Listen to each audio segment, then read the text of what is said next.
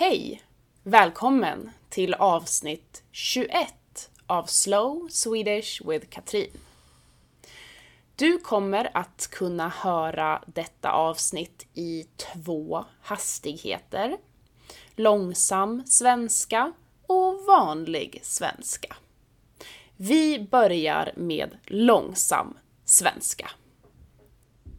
Idag tänkte jag dela med mig av ett litet hack på svenska som du inte får lära dig från början.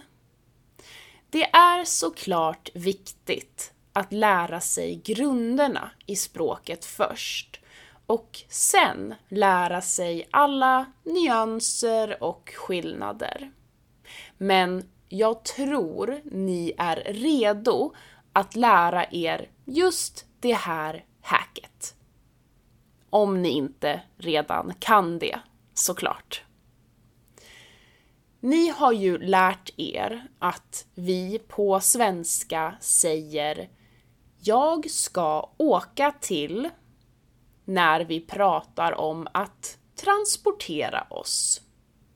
Vi säger inte jag ska gå till om vi inte bokstavligen ska promenera till destinationen. Jag ska åka till Stockholm. Jag ska åka till sjukhuset. Jag ska åka på semester. Men visste du att man bara kan säga ska och inte säga åka, gå, resa, flyga, köra. Ska brukar ju oftast bara uttrycka att något ska hända i framtiden. En synonym till ska är kommer att. Men när ska kombineras med ord som till och på eller destinationsord som hit och dit. Då behöver man inte lägga till åka. Här kommer några exempel. Jag ska till Stockholm imorgon. Jag ska till sjukhuset på fredag. Min mamma ska på semester i juni. Vi ska dit imorgon. Jag ska hit igen om en vecka. Jag ska på bröllop i helgen. Jag ska på konsert nästa månad.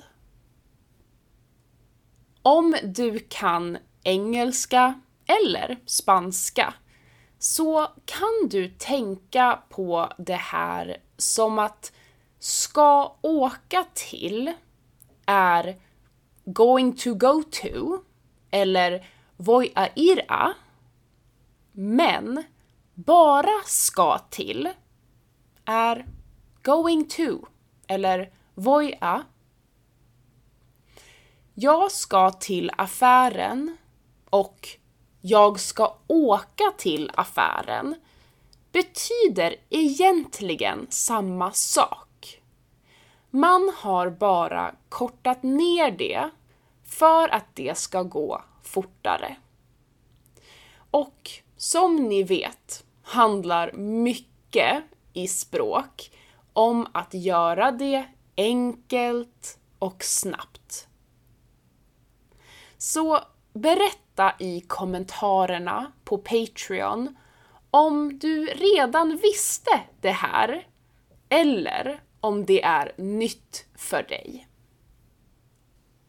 Nu tar vi det en gång till på vanlig svenska.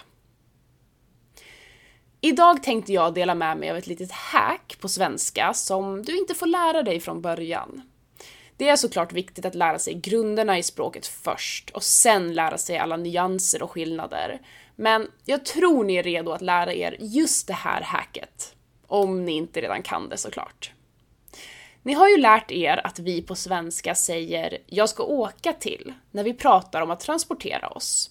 Vi säger inte “jag ska gå till” om vi inte bokstavligen ska promenera till destinationen. Jag ska åka till Stockholm, jag ska åka till sjukhuset, jag ska åka på semester.